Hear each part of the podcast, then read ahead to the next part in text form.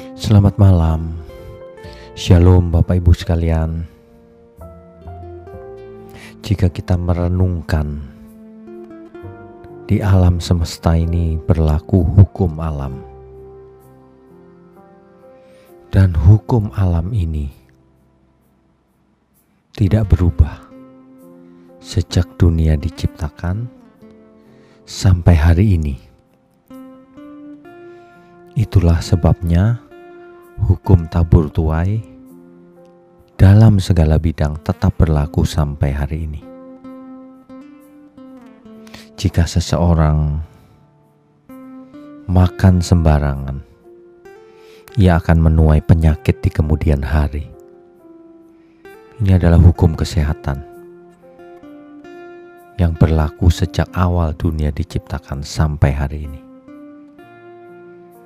Demikian juga dengan hukum-hukum yang lain. Jika kita tidak belajar, maka kita tidak akan mengerti secara otomatis. Jika seseorang malas, maka ia tentu akan menuai hasil kemalasannya itu. Hukum alam ini perlu dicamkan benar-benar berlaku bagi orang percaya maupun orang yang belum percaya. Jadi, jangan sampai setelah menjadi percaya kepada Tuhan, malah mengabaikan hukum alam. Kita hidup di dalam sistem yang diciptakan oleh Tuhan, dunia dengan segala hukumnya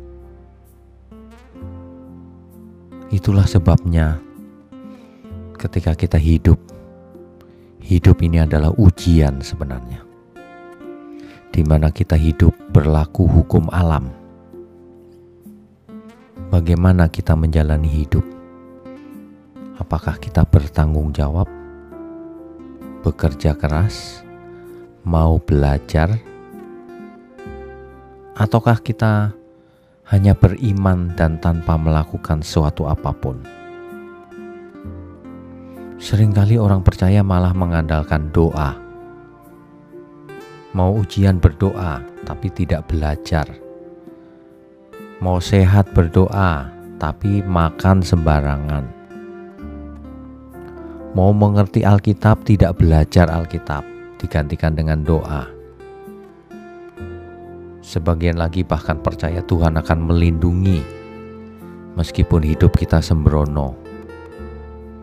Ini kesalahan fatal, saudara. Hukum alam tetap berlaku bagi semua orang. Justru ketika kita percaya kepada Tuhan, maka kita akan berusaha mengenal hukum-hukum yang Tuhan ciptakan bertanggung jawab di dalamnya. Sehingga kita menunjukkan iman kita bahwa kita percaya Tuhan dan kita pun bertanggung jawab atas hidup kita ini untuk menunjukkan iman kita. Jadi hidup kita tidak akan menjadi sandungan bagi sesama kita. Hidup ini memang harus jadi berkat, bukan sandungan.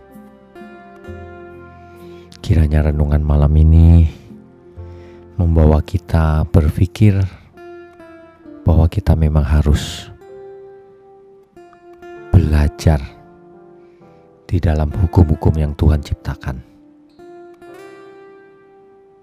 Selamat malam, selamat beristirahat. Tuhan Yesus memberkati. Amin.